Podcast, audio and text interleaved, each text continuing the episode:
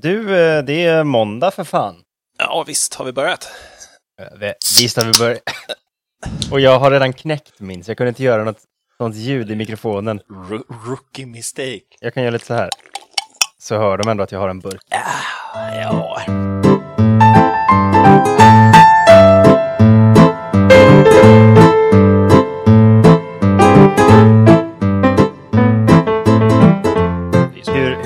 Ni som bor där på andra sidan Sverige, har ni eh, också haft strålande hissingsväder idag? Ja, det har varit... Det, ja. För en kort sekund så var det som att jag satt på Wieselgrensplatsen. Mm, Med värmen i ansiktet. mm. Nu hade jag en mun full ris i munnen. Det är sånt som För er som undrar. Jag trodde inte att jag... Jag trodde inte att den skulle eh, höras, skulle- men det gjorde den. Tror du inte att du skulle behöva bli satt på plats så här? Ställ Satt- en fråga när du stoppar munnen full med ris. Det är Ja. nästan oförskämt av mig att hoppa på dig. Läs, läs rummet, för helvete. Jag är jättenyfiken om vad du vill prata Vä- Vänta, du, be, beskrev du din dag? Jo, det är strålande väder. Jag har varit Mm. här hela, hela dagen. Jag tycker väder är, alltså, det är så, så underskattat att prata om, speciellt för oss som är lite, eh, eller i alla fall för mig, som har lite svårt för det här med sociala interaktioner och prata med Mm. folk. Mm, mm. Det är så synd att väder har blivit så tabuartat. Alltså det är så här, om man tar upp väder är man en tråkig person, men det behövs ju. Man Alltså- behöver ju prata om någonting. Och väder skulle är så himla viktigt. Jag skulle säga att väder är invävt i den svenska folksjälen ända sedan vi var bondesamhälle, liksom, för att då Ja, men- levde man och dog med vädret. Eller hur? Hur ska man inte kunna prata väder när det är liksom det som styr oss nästan mest, i alla fall liksom mentalt. Vi är så sjukt beroende av väder. Så Ja, nej, nej, jag är helt med dig. eftersom att vädret har varit bra har min dag varit bra. Trots att det är Ja. måndag. Ja, nej, men jag, också, jag, jag har typ fått lite solbränna för jag har suttit i mitt eh, Jag kontorsfönster. med. Oj, Ja. oj, oj. Ja, jag har suttit på balkongen ett tag och, och solat och Nej, knäppt en öl och uh, nämen, nämen. lyssnade på måsarna. Mm. Fy fan vad underbart. Jag lyssnade på sprängningstutan som gick. Ja, också trevligt. Också, det är väldigt häftigt. Det är det. Mm. Innan vi började spela in här så, så eh, jag sa precis att jag kom direkt från ett YouTube-klipp där de Ja. ja. pratade om det här ämnet som jag ska prata om. Eh, och det var de här Ancient Aliens-grabbarna, känner du till dem? Det här History kan- Channels Ancient Aliens. Mm, mm. What we have in this story is actually the Immaculate Conception of Hatshepsut. And it is clear that this is the story of an extraterrestrial intervention in the creation of a star child, Hatshepsut. So we appear to be dealing with some sort of a technology, a DNA based technology Alltså jag ska vara helt ärlig, jag, jag önskar att jag kunde titta på Ancient Aliens eh, och tycka det är kul. För grejen är att vissa av de här grejerna kan jag, kan jag titta på och tycka är kul. Typ Ghost Adventures. Där kan jag liksom ändå så här, ja men det här är lite kul att titta på. Ehm, det är liksom lagom. Men Varför kan du Men- inte det med Ancient Aliens då? jag vet, jag tror det är för att jag vet att folk tror på det benhårt.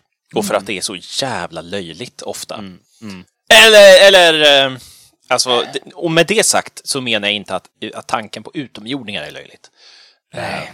Men Ancient Aliens, och det är alltid Ja. rotat i någon tro om att folk, speciellt folk som inte är väst, Ja, västern-europeer inte skulle kunna bygga fantastiska saker. Eh, men i alla fall, jag tycker, jag tycker att det kan vara ganska underhållande. Och en sak som de alltid, de ställer ju såna här stora frågor. Could it be that bla bla bla bla bla was actually an alien? Och sen så svarar de på det. Eh, antingen we might never know eller så säger de Ancient astronaut theorist say yes. Så klipper de till någon sån här gubbe då med yvigt hår som bara nej men eh, alla tecken pekar åt rätt håll. Och det som jag ska prata om idag, det som eh, antika aliens, eh, vad kallar de sig? Forskare, ehm, tror på Oj. den här gången. Du, är väldigt, du är generös. Ja. Du är generös. Ja. Eh, det är eh, teorin om den ihåliga jorden. Ja! Den Åh! tänkte jag prata om. En av mina favoritböcker. Eh, eh, vilken bok tänker du på då specifikt? eh, Resan till jordens mittpunkt. Mm, just det, Jules Verne. Ja, han kommer, Ja, ja. In, han kommer in i det här och, och Han gör det. Jag misstänkte, det. jag misstänkte att Jules Verne skulle komma in och dabba lite här. Ehm, Ja, men vad kom, alltså, teorin om den ihåliga jorden det är ju då att eh, under våra fötter så finns det en invänd jord. Det finns en, ett ihåligt eh, tomrum under jordens, eh, under våra fötter helt enkelt. Där, som är nästan likadant som där vi bor. Beroende Va? på vem du, nej alltså, beroende på vem du frågar så finns det Ja, ja. så likadana växter och kanske typ till och med en sol eller någon typ av ljuskälla och värme och eh, olika sorters djur och ibland är det en sjukt avancerad ras. Ja, det, det blir alltid lite Just det. rasbiologiskt när det kommer till konspirationsteorier. det blir ju... Varför, varför blir det alltid så? Varför, varför är det en grej? Ja, jag, jag vet inte, men, men det tenderar att bli det. Eh, och, och- så det fin- men det finns ju olika då versioner av den här eh, ihåliga jorden. Var kommer det här ifrån? Var har man fått det ifrån? Eh, det, det kanske grundar sig i det här med att vi inte vet säkert vad som finns i mitten av jorden, men vi har starka hypoteser om vad som Mm. finns i mitten av jorden. Det är, Eller? jag skulle säga att det är ännu tidigare än så, innan man hade någon stark hypotes om vad som fanns i Ah, mitten okej. av jorden. Låt mig ta dig tillbaka till 600 början. Och då menar jag verkligen början. Oj, I begynnelsen. Okej, jävlar. Okej. Mhm. Nej, men det finns i typ alla religioner över hela världen. Finns det någon form av sinnebild om en undre värld. Det är väldigt vanligt förekommande i väldigt många eh, religioner och traditioner och så. Och eh, man kan tänka att precis lika naturligt som det är för människan att titta upp mot stjärnorna och undra vad finns där ute? Var kommer vi ifrån? Lika naturligt är det att titta ner på marken. Det gör man nästan oftare. Och så tänker man, ja. vad finns där under egentligen? I nordisk mytologi så fanns ju Svartalfheim. Där bodde Precis. dvärgarna och svartalverna. I en labyrint av smedjor Absolut. och grottor. Absolut. Och i grekisk mytologi då var det Hades eh, som bodde i Hades. Och Hades var då alltså platsen och personen, eller guden. Och, och den här platsen var under, under jorden. Så det finns en bild om underjorden överallt. Ifrån Irland, där det, där det finns en väldigt specifik ingång till underjorden. Där vet man att det är den här grottan som leder till underjorden. Åh fan! Ehm, Och eh, ja, de gamla druiderna, de var fan, de, de, de var Jag är- specifika. Jag är rädd för druiderna, för att vara helt ärlig. Alltså, druiderna är läskiga jävlar alltså. En cool grej med druiderna som jag lärde mig nu när jag eh, läste på om det här med ihålig jord. Det är att de var, man är ganska säker på att de var läs och skrivkunniga. Men det finns ingenting bevarat ifrån dem i skrift. För de var förbjudna, enligt sin egen tradition, att skriva ner någonting av det de visste. Det, är lite, det är lite spännande. Det är coolt. Det, är är, ganska ja, coolt. Det finns ju säkert, alltså det finns ju, jag skulle- inte förvåna om det finns liksom två druider kvar som, som har hela den här samlade jävla kunskapen och sitter och bara, nej jag får inte. Det är nästa Da Vinci-koden, är liksom druidernas Åh, ja, det, åh, Dan Brown, Dan Brown. snälla! Vi har ett tips till dig, Dan Brown, om du lyssnar där ute. Hur många lyssnare har vi i USA? I USA har vi eh, inga lyssnare. Mm, en av dem skulle kunna vara Dan Brown. Av, av våra noll lyssnare i USA. Ja, nu vill jag att du tänker utanför boxen här. Eh, I alla fall, vi går vidare. Även i ehm, Asien finns det många olika versioner av underjorden. Vi har ju eh, Patala i eh, hin, hindu eh, tradition. Mm. Och eh, ja, massa, massa olika. Sen så har vi Agartha Ja, just det! som är en del av världens bästa datorspel, MMO, eh, The Secret World. Eh, Vi har Västlänken. vi har Västlänken i den göteborgska eh, folktron. Mm. Och så har vi också då Agartha eh, brukar man ofta förväxla med Shambhala eller Shangri-La som är någon typ av liksom eh, underjordiskt kungadöme i eh, mitten av jorden. Finns det. För man har ju länge vetat, ända sedan Plinius den äldre, har man ju länge vetat att jorden är rund. Ja. Det är ju det, är ju det här som är den vanliga missuppfattningen, att man förr trodde att jorden var platt. Det är, har man inte trott så länge. Eh, så, och då är det ju lättare att tänka sig att det finns en underjord om jorden är platt. Mm. Men även när folk har vetat om att jorden är sfärisk så har man varit väldigt säker på att jo men i, någonting borde ju kunna finnas där, för det, måste, det är ju enormt utrymme. Så varför Ja, skulle ja, det inte ja. finnas eh, någon plats för det? Ja, någon Men- liten grotta åtminstone kan man väl ändå underhålla. Ja, eller hur? Men om vi går eh, framåt i tiden nu då. Mm. Vi lämnar tidernas begynnelse och, Tack. och alla tidiga liksom eh, religioner och så som eh, liksom inte hade så mycket belägg för det mer än kanske uppenbarelser. Eh, om vi kommer in på liksom när, när eh, mainstream vetenskapsmän eh, tog sig an det här. Okej. Då har vi framförallt i slutet av 1600-talet har vi en snubbe som heter Edmund Haley. Edmund Haley, Haley? var hans, ja precis, han med kometen. Så det här är inte någon, någon toksnubbe, ingen nutjob. Det här är ingen liksom eh, konspirationsteoretiker med Ja, men det är ju spretigt ett namn man känner igen va? Ja visst, det, är, det finns tyngd bakom det namnet. Ja. Han var eh, tajt polare med Newton. Mm. Hjälpte till att skriva Principa, eh, vad det nu heter, den här matematika Principa, alltså Ja. Newtons. Magnus och op, op, ah, Magnum Magnus Opus. Opus. Magnus, Mag Newton Magnus Magnus. Opel! Han, var, han hjälpte till att besiktiga Magnus Opel. Ja. Och, ehm, och han, han var lite, det fanns en säregenhet med polerna. Som man inte riktigt kunde förstå. Mm. För vi har ju en nord och en sydpol. Mm. Mm.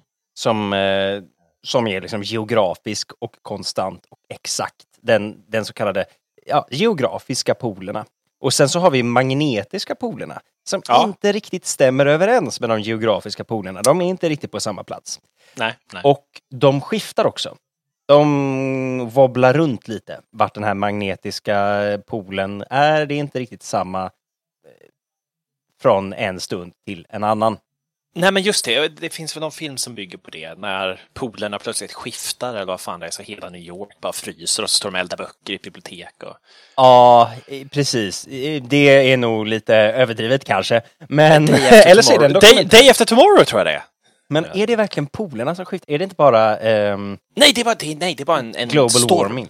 Ja, just det, så är det. Men det, ja, det här med polskiftet är ju en grej också. Ja. Det här. ja, men det, och för det kan ju hända att de liksom byter plats med varandra totalt, Nord Mm. och Sydpolen. Men eh, det jag pratar om nu är att de liksom wobblar lite. De Mm. håller sig inte på samma plats.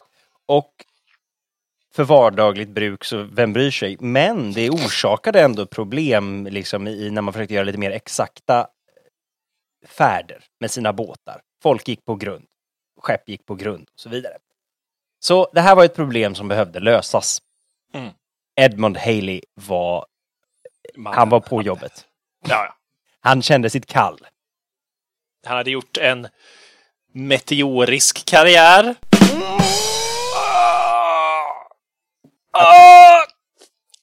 Men han var lite inspirerad av sin polare Newton.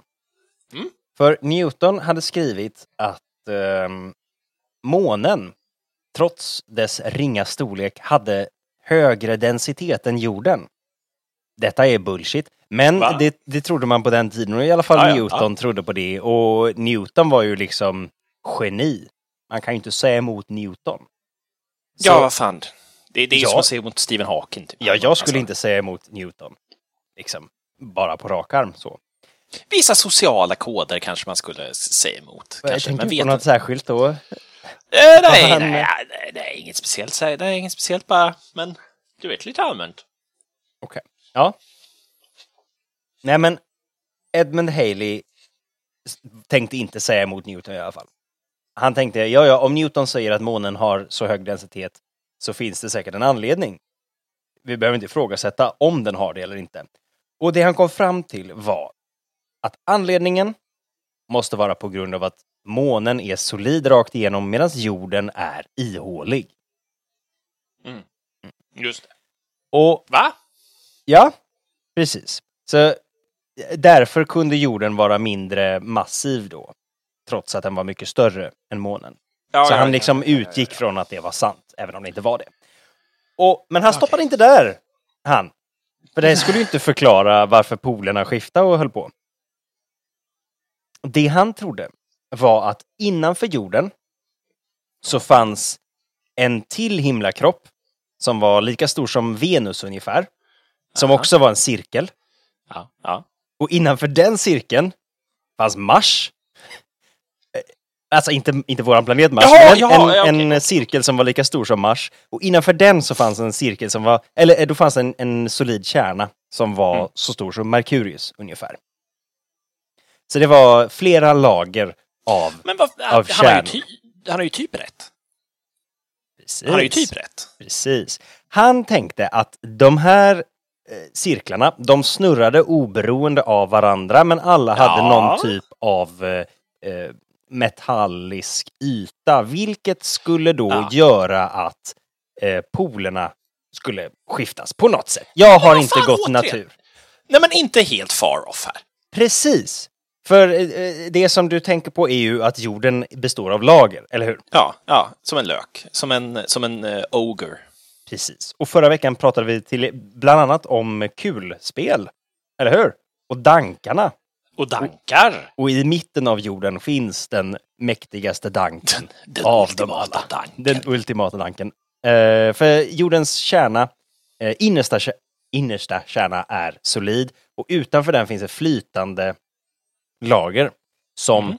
roterar runt. Och det är det här förflyttelsen som orsakar eh, magneten, eh, den magnetiska polens förflyttning. Så han hade helt rätt.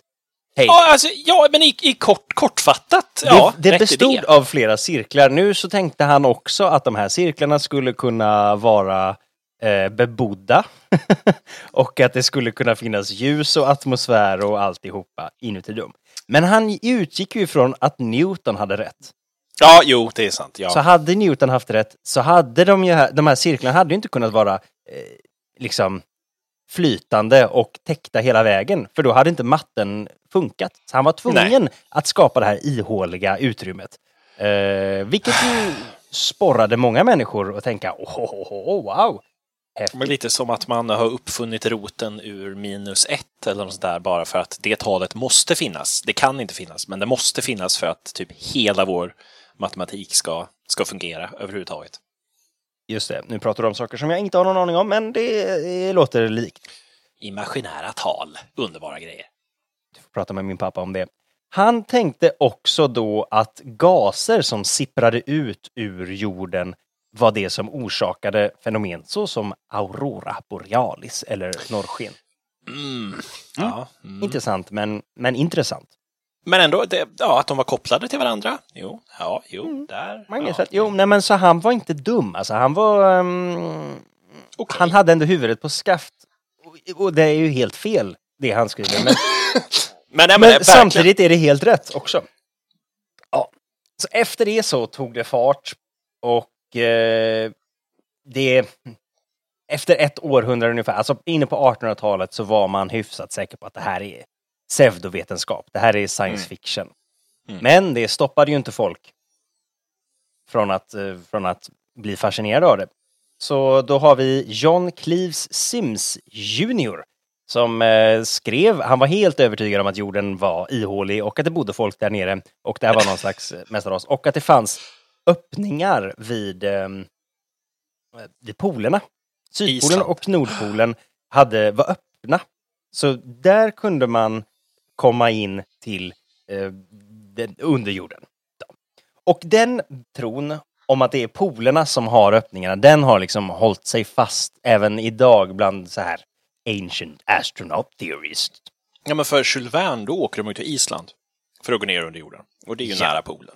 Och det är ju en kvarleva från, från den Åh, fan! tankegången, skulle jag tro. Skulle jag tro.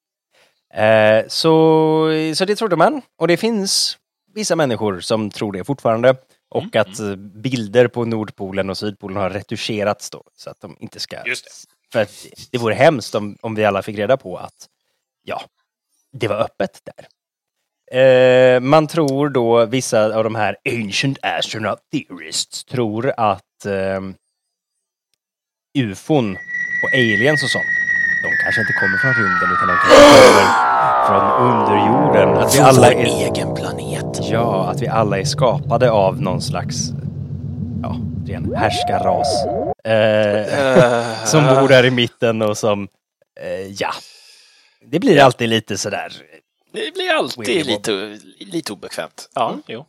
En, eh, och sen, alltså hela den här Wikipedia-artikeln är ungefär liksom en lista på vilka olika teorier som har förekommit och olika typ science fiction-böcker som beskriver det här. Till exempel Mm. Jules Verne då, Resan Mm. till jordens mitt. Men vi har också en jättespännande här, Nequa, or The Problem of the Ages. Det här Mhm. sägs vara den första feministiska science fiction-berättelsen. Eh, Berätta mer. och- ja. Eh, det är en man som har skrivit, men ändå.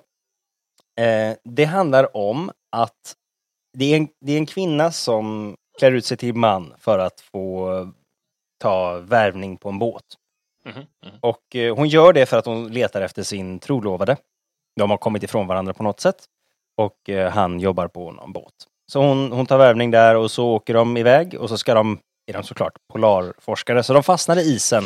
Och sen när de kommer ut ur dimman så märker de på sin kompass att nej men den går ju åt fel håll. Vi, vi ska ju egentligen vara på väg norrut men vi är på väg söderut. Och så visar det sig då att de har åkt in i jorden och kommit till dess insida.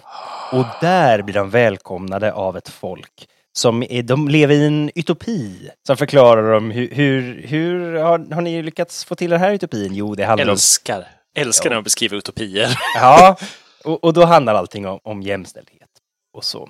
Och att det är, jag har ju inte läst den, jag har bara en liten, liten sammanfattning här.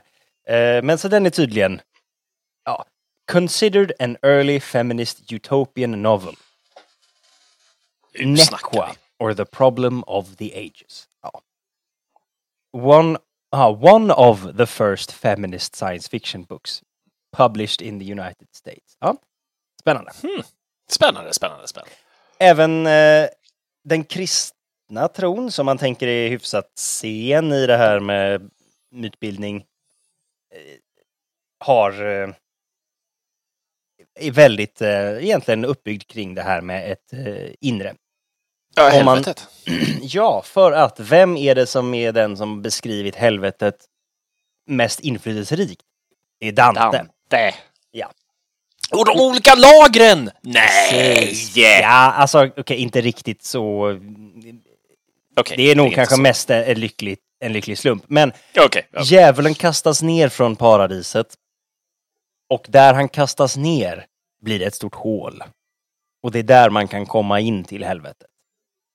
okej. Och på andra sidan jorden så blir det en utbuktning, ett berg. Där eh, skärselden är, Purgatory är där på den andra sidan, Purgatorium.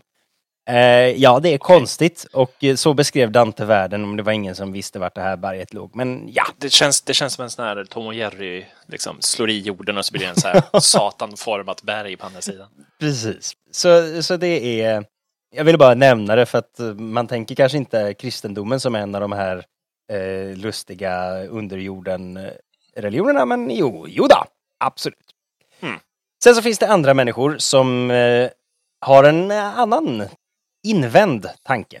De säger att vi bor i den eh, invända jorden. Vända jorden, nej! Jo! Och det du ser utanför, det är liksom på något sätt en illusion av det här. Så om man bara går eh, åt ett håll så kommer man ju tillbaks till där man började.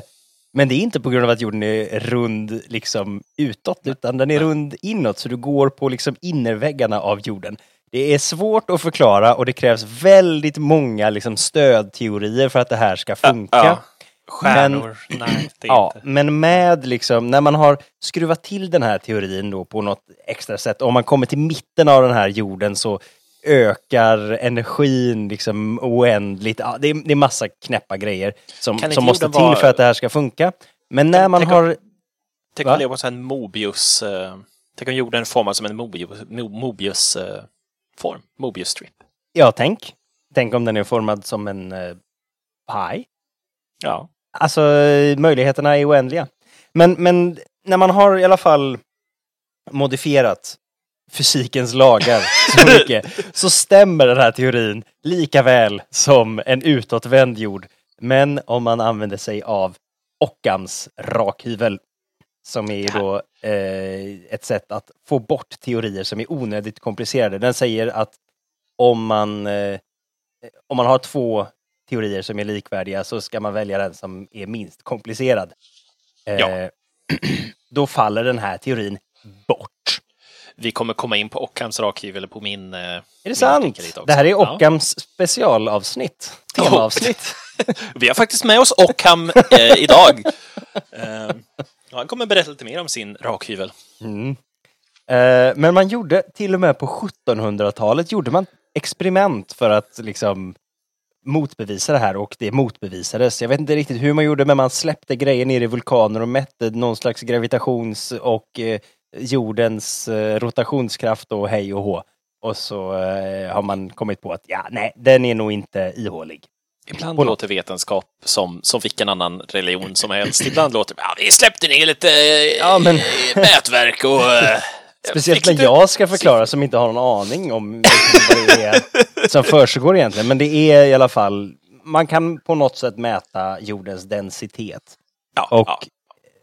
efter att eh, Newton så pinsamt hade fel så har man nu kunnat eh, fastställa att jorden har mycket högre densitet och med den densitet så finns det inte plats för någon stor ihålighet där det kan bo någon slags eh, civilisation.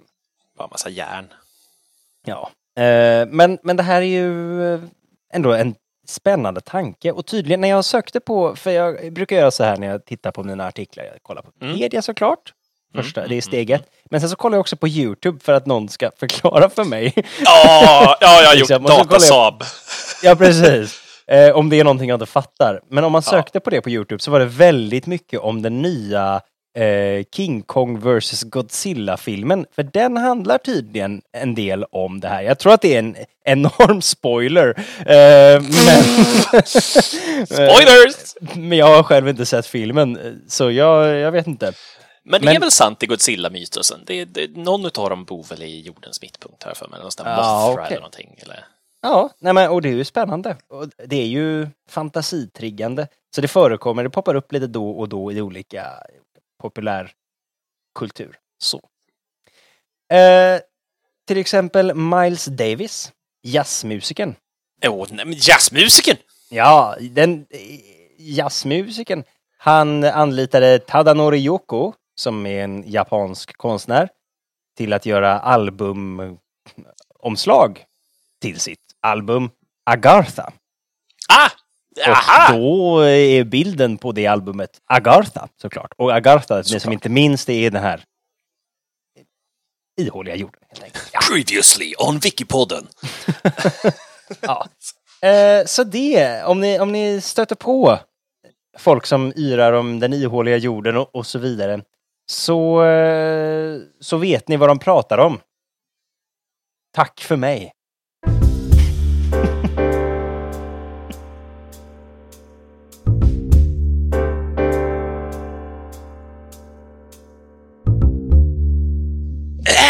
Jag är redo. Vi är tillbaka!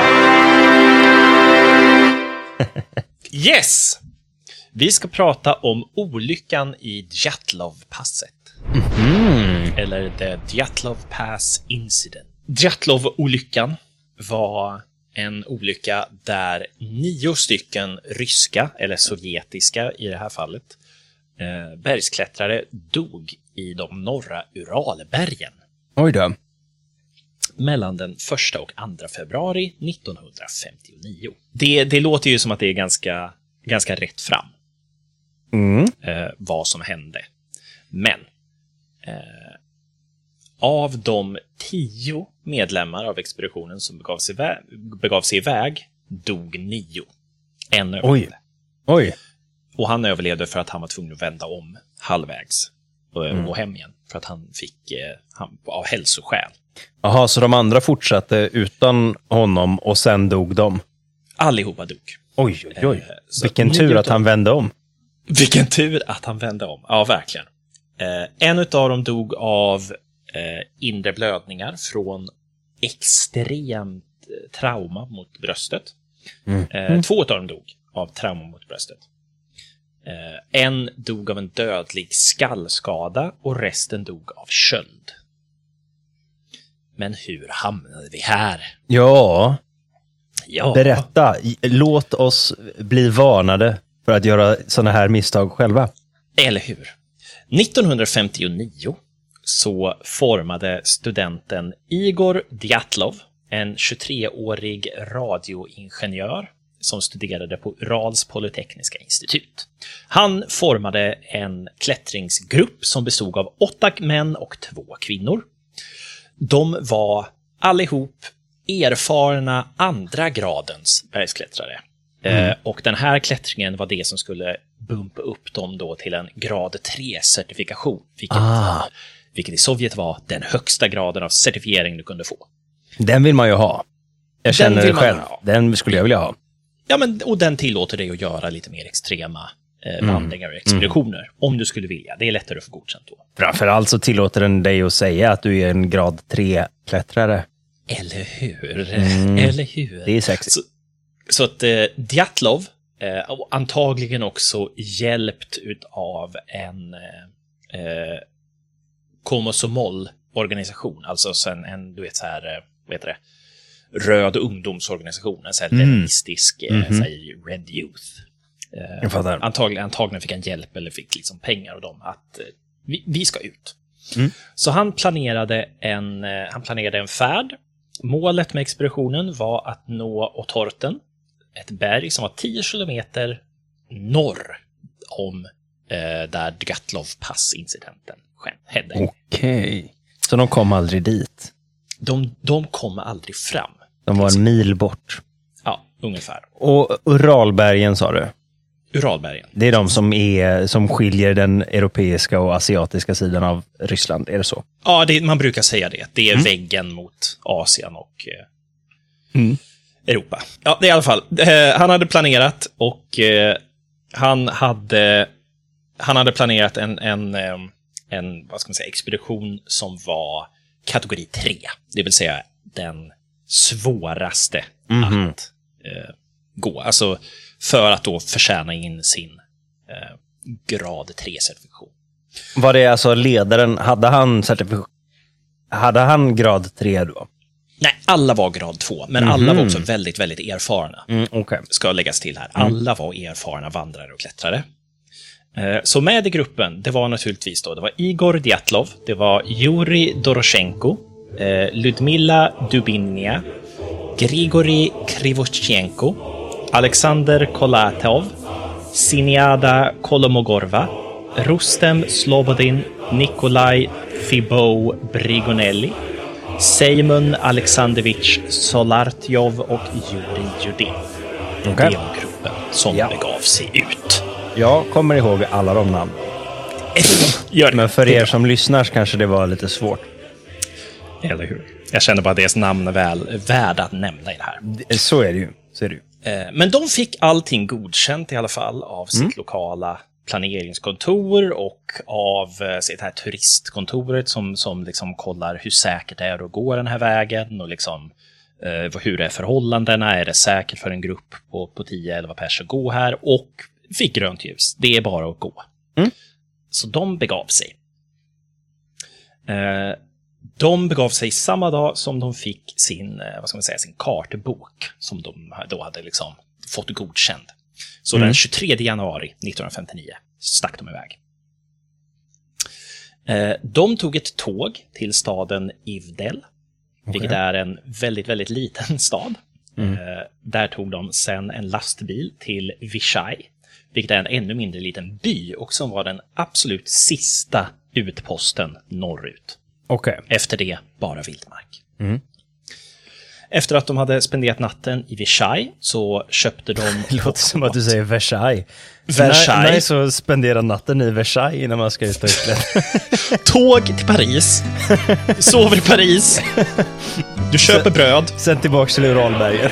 Sen tillbaks till Uralbergen igen. Uh, oh. Oh. Uh, nej, men uh, i Versailles så mm. Åt de och köpte massor med bröd för att hålla uppe sin energinivå. Att så här, ja, men det är snabba kolhydrater, det är bröd, det, det är bra. Okej. Okay. för att sen då dagen efter börja gå. Den 27 mm. januari så började de gå emot Gora och Torten. Då, den här platsen de ville till, det här berget. Mm. Mm. den 28 januari så fick en medlem eh, plötsliga hälso... hälso eh, vad heter det? Problem? Komplikationer? Ja, ja tack. Hälsoproblem. Han fick mm. hälsoproblem. Mm. Eh, vilket, och det här, varför går man ens ut och vandrar när man har det här? Men vilket inkluderade reumatism och ett medfött hjärtfel.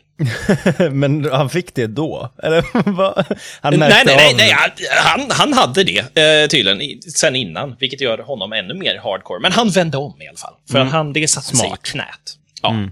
Han fick knä och ledvärk, vilket det vill man inte ha när du ska ut och gå. Liksom. Det där är ju en hård jävel som har bestämt sig för att bli bergsklättrare. Med medfött hjärtfel och reumatism. Ja. Och efter det här, han är den sista personen som såg dem vid liv. Mm. Men man har lyckats sätta ihop deras resa efter det här. Den 31 januari så kommer gruppen till spetsen av eh, hö, ett, hö, ett höglandsområde. kan man säga. Mm. Det är inte riktigt berg, men det är, det är liksom väldigt klippigt fortfarande. Eh, och de börjar förbereda sig för att nu är det dags att klättra. Nu är det liksom bergsklättring som gäller. Eh, de hittade en liten skogsdal. Där begravde de mat och utrustning som de tänkte använda på vägen tillbaka igen. Okay. De tillbaka. Mm. Så då tänker de att här har vi en liten cache eh, som vi använder. Så grävde de ner det och markerade. Eh, och så gjorde de ett litet läger. Dagen efter så började de att röra sig igenom då det här lilla, den här lilla dalen, passagen. Mm. Eh, och det verkade från början som att de ville gå över passagen och att sen göra, eh, göra läger, vad står det nu, Näst, ja precis, på andra dagen, på andra sidan det här lilla passet de var vid. Mm, mm. Men eh, vädret var inte riktigt med de här, så att det började bli väldigt dåligt väder och en snöstorm gjorde att de inte riktigt såg ordentligt. Eh, vilket gjorde att de eh, tappade riktning och de kom mycket mer västerut än vad de ville. Mm. Eh, när de insåg att de var väldigt mycket västerut så satte de upp ett läger igen, eh, precis vid ett berg. Eh, istället då för att fortsätta gå en och en halv kilometer ungefär till ett skogsparti som hade kanske erbjudit lite mer eh, skydd. Eh, men det var också otroligt dåligt väder plus att det spekuleras att han Djatlov ville inte att de skulle tappa altitud. För Nej. att det tar ju tid att vänja sig vid hög höjd. Just så att när du går upp och du går ner igen så... Det är också segt när man har erövrat altitud. Att behöva att gå... Jo men det är ju lite, ja. alltså mentalt är ju det en ansträngning att så här, gå neråt när man vet att vi kommer behöva gå upp den här, lika mycket vi går ja. ner nu behöver vi gå upp sen igen. I en äcklig snöstorm, full packning. Mm. Eh, ni har redan tappat en medlem. Mm. Eh, eh, det lägret i alla fall skulle bli deras sista läger. Alltså jag älskar eh, mysterier i Sovjet. Är det Sovjet?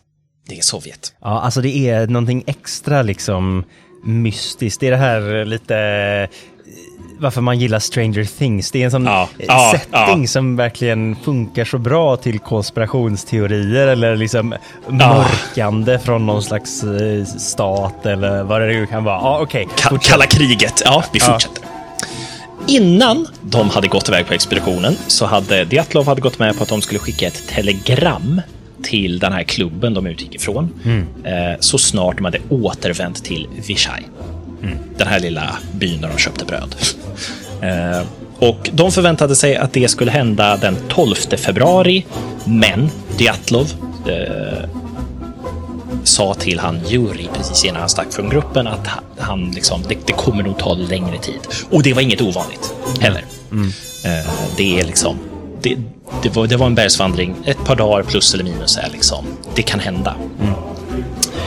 Eh, den 20 februari hade de fortfarande inte hört någonting.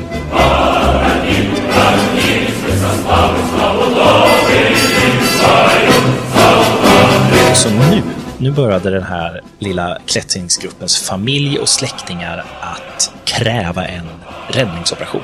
Ja. För de hade liksom inte hört det. De är en vecka senare. De borde, alla erfarna klättrare, de borde vara tillbaka i det här laget.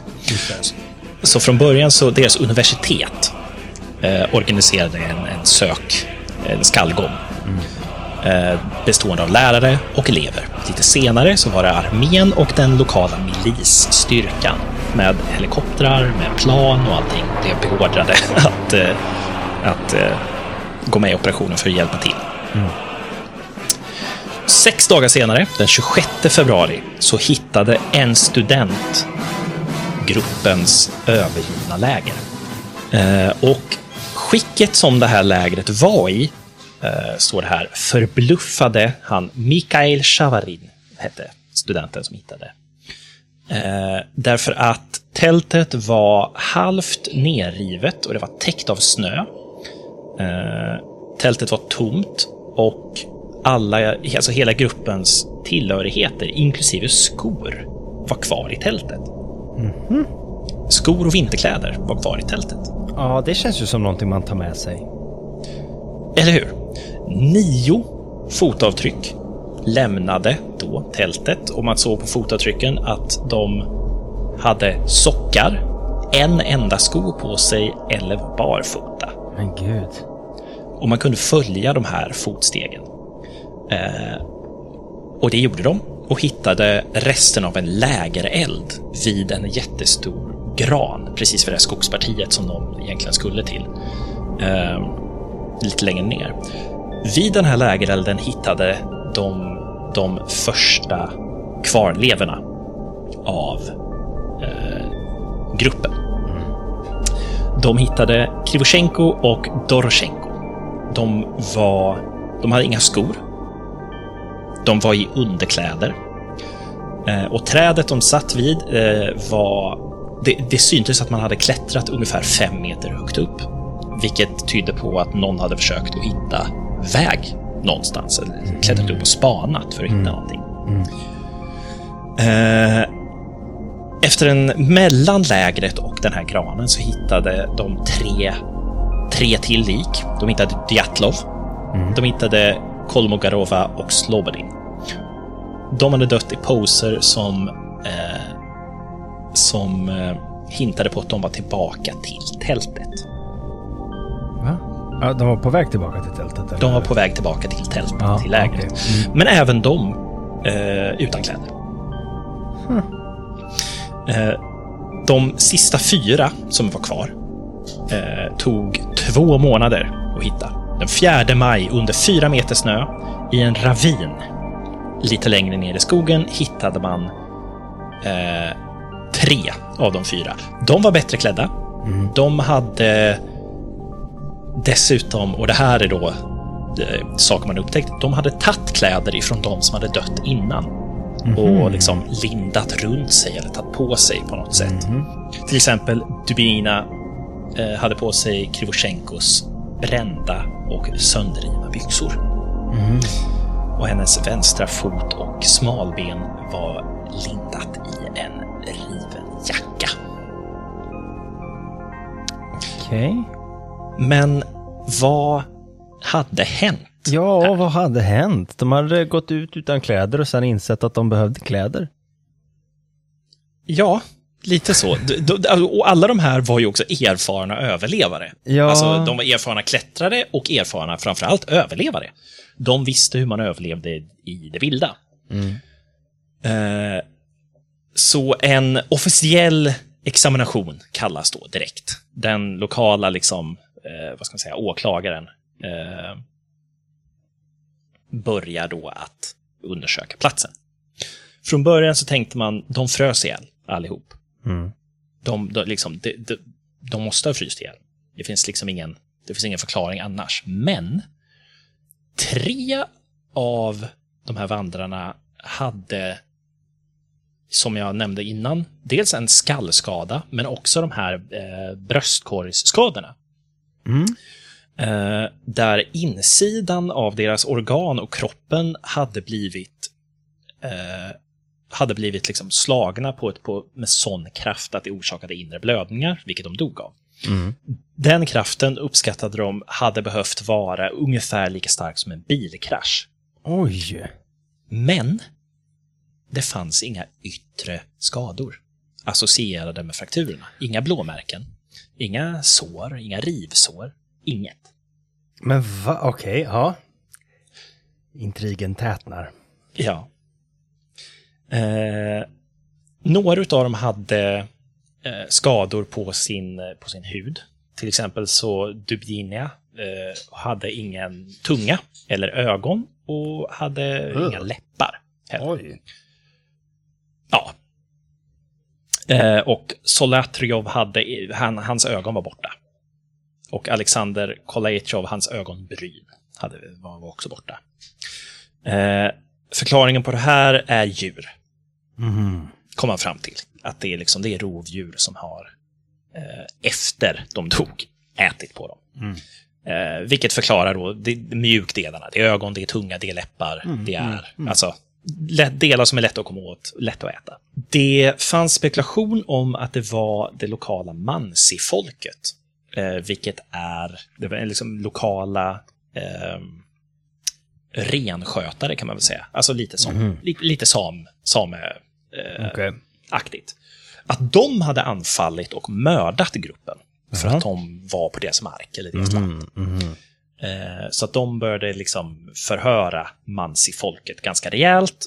Men det, liksom det, det, det fanns inget att gå på. Det fanns inga fotavtryck som stödde Mansi. De- De hade inga sår på yttre sår.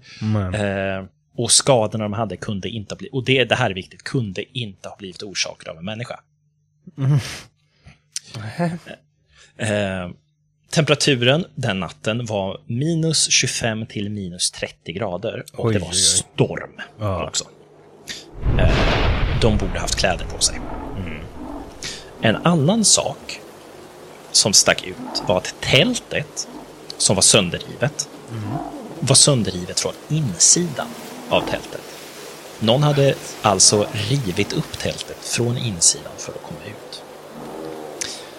Man hittade också spår av radioaktivitet på en av de här offrens kläder. men gud, jag Som man inte heller lite, kunde. lite um, läskigt nästan. Lite spökhistoria. Ja. Eh, och man hade ingen aning om vart de kom ifrån. Och mm. viktigast av allt, det fanns inga överlevande. Det visade sig också att alla medlemmar av gruppen hade lämnat lägret av sin egen fria vilja och till fots. Det fanns liksom ingen, för det, för det gick lite teorier om att kunde det vara så att eh, två av de här, eh, det var, det var kärlekstriangel, eh, någon låg med någon och det var opopulärt och det blev ett bråk och liksom. Men, men det fanns inget stöd för det, för alla hade gått av egen fri vilja återigen och så skadorna kunde inte ha orsakats av en människa. Eh, den officiella eh, undersökningen var att de dog av en compelling natural force. Alltså en okänd naturkraft. Jaha. Mest troligt en, eh, ett snöskred. Ett fått snöskred som hade haft ihjäl dem. Vilket hade kunnat förklara de här skadorna man hade fått på inre organ, skallskadan, varför man hittade några av dem i ruin. eh, Varför de ville ut bort. från sitt tält också kanske, om det blev ett Ja. snöskred där. Exakt så. Exakt så. Men, Men, men, det, det gick inte riktigt ihop, nej. eh, allting. Men det var i alla fall det var den officiella förklaringen. Sen efter det stängdes det. Möjligheten att det var ett Oj. brott eller något liknande, absolut inte. Eh, Det var någon, nå- folk som tittade in fick svar av, liksom, av myndigheterna att eh, nej, det är stängt. Det ska inte tittas in i det här något mer. Mm. Eh, Så någonting Ja. är afutt. Mm. Eh, en annan grupp vandrare, som var ungefär fem mil söderut, rapporterade att de såg mystiska orangea ljus i skyn. Eh, norr ut.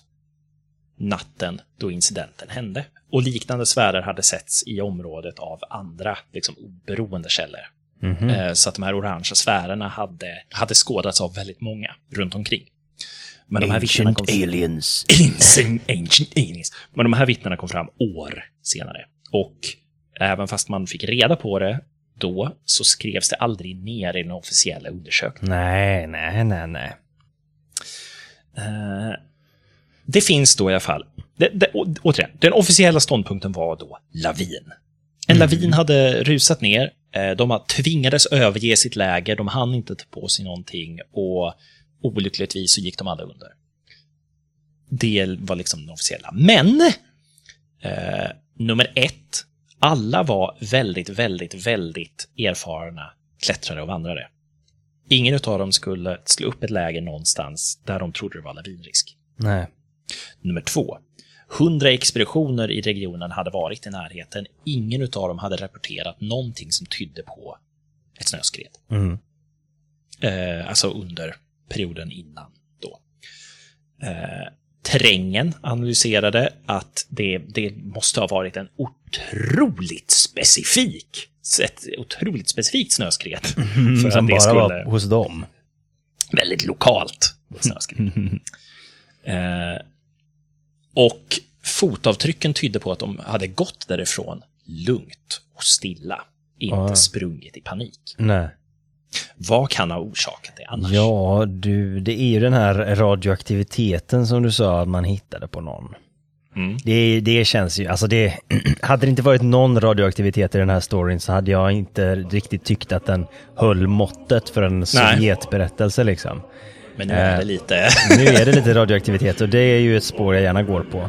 Och speciellt om det är ljus i skyn som, som lyser upp på olika sätt. Ja, vad, vad kan de ha varit med om? Alltså någon slags... eh, mm, jag skulle inte vilja gå så långt som att säga ett riktat experiment. Liksom. Eh, För det tänker jag, det skulle, så långt skulle man kunna gå och säga att, det, att staten utför experiment på just dem och se vad mind control-grejer. Men kanske snarare något, eh, något annat typ av experiment och så råkade de vara i skottlinjen. Typ någon slags eh, sprängning av någonting radioaktivt och så blev de, började de hallucinera grejer. För det känns ju som att de har hallucinerat. Vi måste, vi måste ut härifrån. Eh, och det är som att de har det jättevarmt eller de håller på att kvävas. Vi måste ut härifrån och sen så... Ja, längre än så kommer jag inte. Nej, ja, men jag gillar det här. Jag gillar det här. Eh, ja, det, det låter ändå rimligt. Eh, det finns en, eh, en, en svensk-rysk expedition gjordes till den här platsen 2019. Så Okej. det här är då ganska långt efter. Ja. Eh, och undersökte hela platsen. De kom fram med en teori om att det var en katabatisk vind. Eh, vad är det undrar du? Ja, det undrar jag verkligen. Det är en vind som med hjälp av gravitationen bär luft med högre densitet ner för en sluttning. Eh, katabatiska vindar uppstår till exempel över glaciärområden över vilken luften kyls och därmed ökar i densitet. När luften sätts i rörelse och börjar rinna ner från glaciären kan mycket stora vindhastigheter uppnås. Eh, det svenska vindrekordet 81 meter per sekund kommer från en sån vind. Så att det- det är liksom en, en plötslig, vad ska man säga, en plötslig arktisk vind som kan blåsa upp mot 80 kilometer i timmen ungefär. Det skulle göra det omöjligt för dem att vara kvar i tältet. Och det mest logiska att göra om det blåser så in i helvete, det är att söka skydd bland träden. Eh, de sa också att Men nakna? Det känns Ja, men- konstigt. Ja. Eh, de, de föreslog också att några av dem hade försökt att konstruera så tillfälliga, eh, tillfälliga iglos eller tillfälliga läger. Så här Nödläger. Ja, man gör. gräva ner därför- sig liksom. Ja, och det var därför de var under snön. Till exempel. Eh, men det förklarar ju kanske inte riktigt, nej, det förklarar inte allting. Nej. Eh, absolut inte, men, men det kan förklara det. En annan hypotes, 2013, det var Donny Eicher eh, i sin bok Dead Mountain. Eh, vilket är titel. att... Ja, verkligen. Det är att vindar kan ibland skapa ett, ett infraljud, alltså ett ljud på, på infranivå, som kan orsaka panikattacker i människor. Och det här är sant, det finns. Liksom. Mm. Eh, tillräckligt länge. Och enligt honom då så kan det här infraljudet ha genererats av den här vinden eftersom, allt eftersom den blåste över.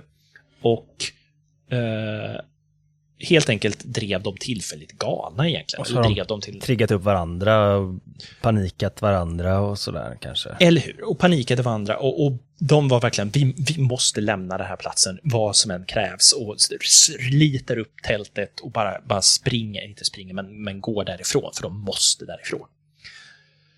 Eh, och de förklarar, de förklarar de här såren de fick som att en av dem hade snubblat över kanten av en ravin i mörkret och landade på stenar. Boom, död. Mm. Eh, det är en teori. En annan teori är att de eh, hade gått och lagt sig. Det var otroligt kallt och det finns en sak som heter paradoxal avklädnad, vilket är när man är på väg att frysa ihjäl så känns kroppen fruktansvärt varm. Mhm. Alltså otroligt varm. Eh, så du börjar klä av dig när du är på väg att frysa ihjäl. Okej, ja. Jo, Paradoxalt. Det, Ja, ja, Eh, Men de menade då att det, det kan ha varit det. De gick och la sig, de var inte förberedda för, för kylan och började frysa ihjäl och klädde av sig. ja.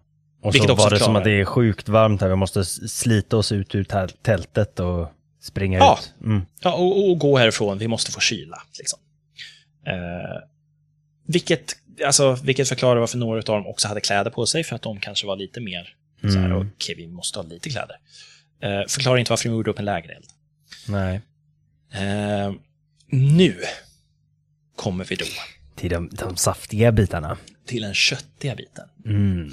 Eh, en sak här, det var eh, de som gjorde det här, eh, den här första undersökningen, eh, sa att han var på väg att göra en till resa till det här Djatlov-passet för att, för att verkligen fullt ut undersöka de här grejerna.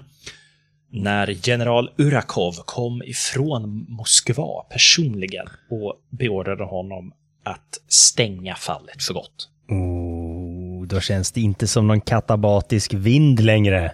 Nej, det luktar inte katabatisk vin. Uh, Amatörluftfartshistorikern.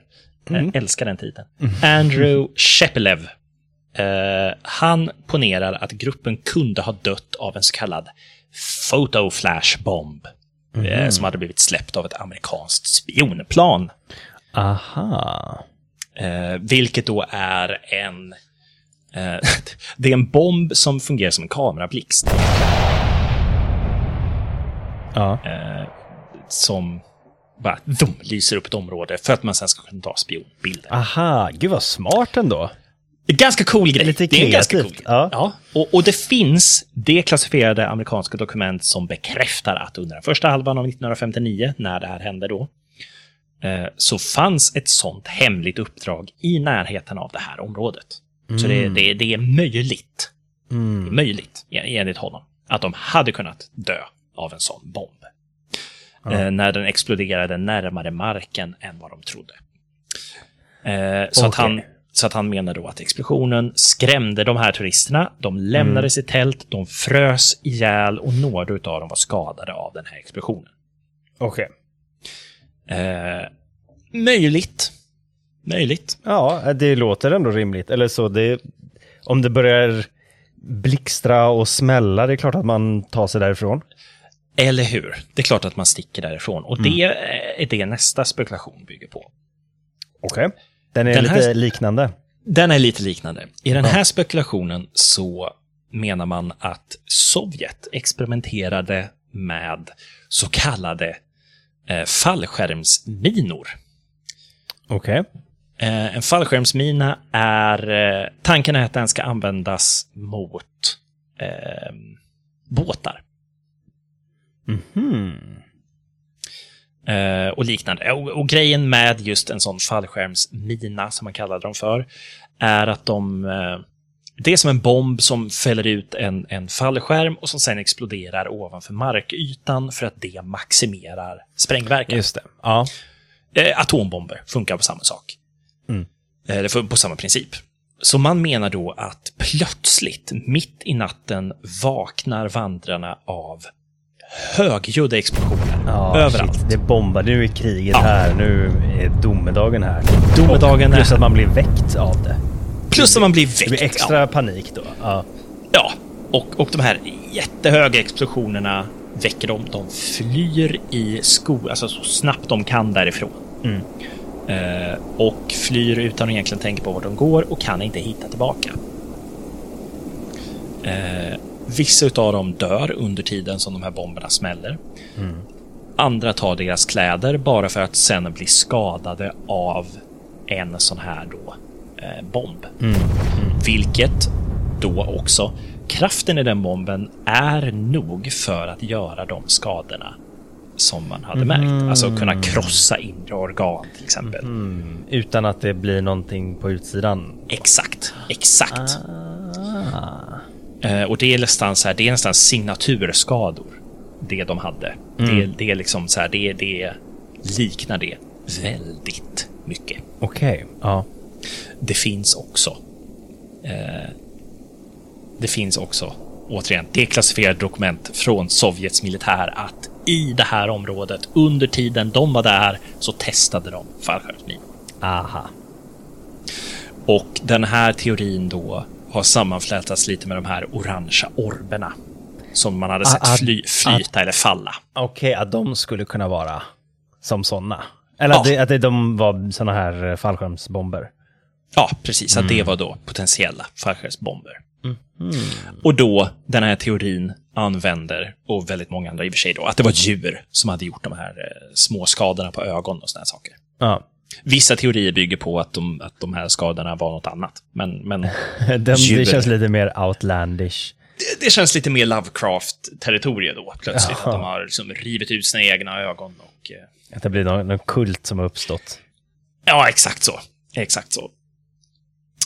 Eh, vissa menar att eh, kropparna var onaturligt manipulerade. På vilket Eh, sätt då? Ja, det, ja de, det, det, det var, vad heter det, inconsistencies. Mhm. eh, och Att någon var- hade liksom varit där och fifflat med bevisen.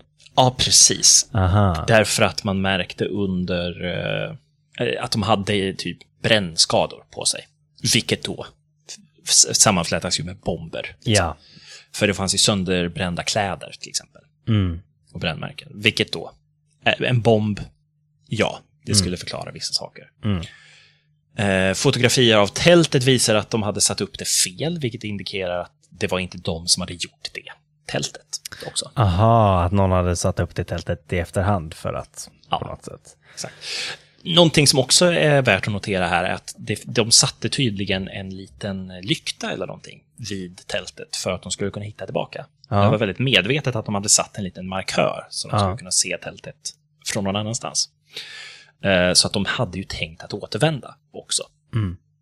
Eh, Det finns en teori som sammanfattas med den här också är att de testade radiologiska vapen, alltså radioaktiva vapen. Och det är därför man hittade radioaktivitet på en av kropparna. Okej. Eh, och att det var också därför de hade grått hår och orange skinn, för det hade de också.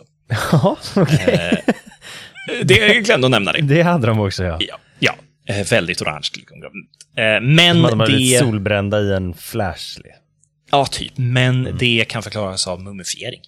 Av tre månaders, eh, tre månaders liksom, utsatthet mot kyla och vind. Just det. Frystorkade. Ja, verkligen. Och man menar då också, och det, det matar ju lite den här teorin då, att den här, eh, det här försöket av Sovjet att eh, svepa undan det här lite och att, Mm. eh, och att man liksom, eh, ja men du vet, close this investigation down. Alltså, Mm. allt det där. Man menar ju liksom att, ja men det är klart att då måste det vara en cover-up liksom. Ja. Eh, det är klart att det måste vara en cover-up, för att varför skulle de göra så annars? Men, någonting man måste komma ihåg med Sovjet är att det här var deras standardprocedur. Eh, va, alltså, det är klart de inte gick ut med vad som, alltså, de gick inte ut med någon information överhuvudtaget. Nej. Det var liksom, eh, de var i krig, i alla fall i sin egen, i sin egen värld, att de, de var ju tvungna att hålla all information så hemlig och tajt som möjligt. Okej. Plus att det var Sovjet också. Ja. Ehm, men under 80-talet ungefär så hade alla Djatlov-filer blivit släppta i någon mening. Och då fanns det inte, då, det finns inte uttryckligen liksom att vi gjorde den här grejen. Oops. Nej, nej, nej. nej. Eh, men återigen då, det kan ju bara vara så att någon har liksom, du vet, lagt den här filen i eh, pappers, papperskorgen Mm, mm. och låtit den försvinna. Just det. Eh, men den teorin, även om man gillar den, jag gillar den mest såklart, eh, därför man är så här, mm, mm, mm, mm, Mm. Ja, det är ju extra Sovjet-feeling på det. Att det är radioaktivitet och så. Ja, ja, ja. Det känns ju liksom så här, åh, åh, nu, det här är det som... Så, så den täcker ju inte in alla de här sakerna heller. Nej. Eh, alltså, det, det, många pusselbitar faller på plats, men inte alla. Nej. Långt ifrån alla. Nej. Och, Det var bara en som hade radioaktivitet på sig, eller? Ja, till Ja, exempel. ja. Man hittade bara radioaktivitet på en person. Det är lite konstigt. Ja, och de gick ju lugnt därifrån. Eller åtminstone, de, de gick ordnat därifrån. Mm. Medvetet, med en liten lampa på sitt tält och så vidare. Ja, exakt. Eh, men ja, eh, det finns ju naturligtvis också då den amerikanska, den amerikanska teorin är, eh, inte, ja, som- det är inte som att alla amerikaner tror på det, men getis, naturligtvis. Ja! Den förargliga snömannen, ja, visst, getin, kom upp och slog ihjäl dem allihop. och åt deras ögon. Ja. Det, då är vi inne på Ancient Aliens territorium, känns det lite. Det är History Ja. Channel feeling. Eh, lite så. Men den officiella förklaringen eh, då. De vaknade i panik och skar sin väg ut ur tältet därför att en lavin hade täckt entrén till deras tält. Eller att de hörde att en lavin var på väg och de behövde ta, ta sig därifrån fort. Mm. Hellre att du har liksom ett, hål i tältet som du kan reparera än att bli begraven under snö. Ja. Eh, de var dåligt klädda, för de hade sovit. Mm. Och så sprang de till säkerheten av skogen, för att skogen hjälper ju att sakta ner eh, laviner och snö. Mm. Eh, I mörkret blev de separerade. En grupp gjorde en eld, därför brännmärkena. En annan försökte återvända till tältet för att hämta sina kläder eftersom att faran hade passerat, men det var för kallt och de dog innan de kunde hitta tältet igen. Vilket också förklarar varför de markerade tältet innan de stack, till exempel. Ja. Eh, vid någon punkt så hittade någon kropparna, tog deras kläder, eh, men att de sen fastnade i en lavin, blev begravda under fyra meter snö. Och den här typen av lavin man tänkte att det var, eh, har nog med kraft för att skapa samma typ av skador. Okej. Ja. Så det skulle, det skulle kunna vara. Men det här med brännmärken framförallt känner jag, det är lite mer bomb. Det är lite mer bomb. Men Ja. han hade, ja, framförallt var det brännmärken på kläder, men också på Ja. händer. Ja. Eh, Och då, 2021, så har ett team av fysiker, ingenjörer som leddes av Alexander Pusrin och Johan Gaume publicerat i tidningen Communications, Earth and Environment. En modell som demonstrerar hur en relativt liten lavin skulle kunna orsaka alla de här skadorna som man hade sett. Och eh, Och det krävdes ju att det var en väldigt liten lavin. Ja, exakt. Det, det, det krävdes nog med kraft för att skapa, Mm. eh, skapa den. Men, men ja. Eh, 2020 i alla fall, så eh, gick de officiellt ut då, alltså An Andrei Kyrakov eh, gick ut och annonserade att det är en lavin som är den officiella dödsorsaken för Djatlov-gruppen 1959. Mhm. Inget annat. det är Nej, den enda okej. förklaringen vi accepterar. Okej. Eh, vilket är ganska nyligen. Mm. Ja, ja, förra året bara. Ja. Eh, men det har ju skrivits hyllmeter om det här. Mm. Eh, det finns böcker, det finns tv-serier, det finns eh, skräckspel till och med. Eh, det finns ett spel som heter Kollat, som är inspirerat av det här. Spännande. Eh, ja, verkligen. Eh, så att det, det, finns liksom massor med saker, I, inklusive då Russian Yeti, the killer lives. eh, vilket då naturligtvis menar att Djatlov-incidenten är Snömannens fel. Ja, det, så, så skulle det absolut kunna vara. Ja, precis. Men vad säger Ockhamsarkivet här egentligen? Ja. Finns inte så många belägg kanske för jättin. Inte jättin, nej. Eh, och eh, mest troligt var det en lavin, om man ska vara riktigt osexig och tråkig. Ja, det är Men, osexigt. Jag tänker fortfarande tänka att det här var fallskärmsminor. Ja, ja, man gillar ju det. Det passar ju in i kalla kriget. Ja. Stämningen och allting. Ja, nej, men det var i alla fall Djatlov-pass. Ja, tack för det. Den hade ju allting man vill ha ifrån sin eh, kalla kriget rövarhistoria. Radioaktivitet. Svävande orangea orber. Ja, ja. Försvunna ungdomar. Ja, men den är ja, fängslande. Ja. Det, det tackar vi för. Varsågod. Och eh, hoppas att ni får en fin vecka tills vi ses igen.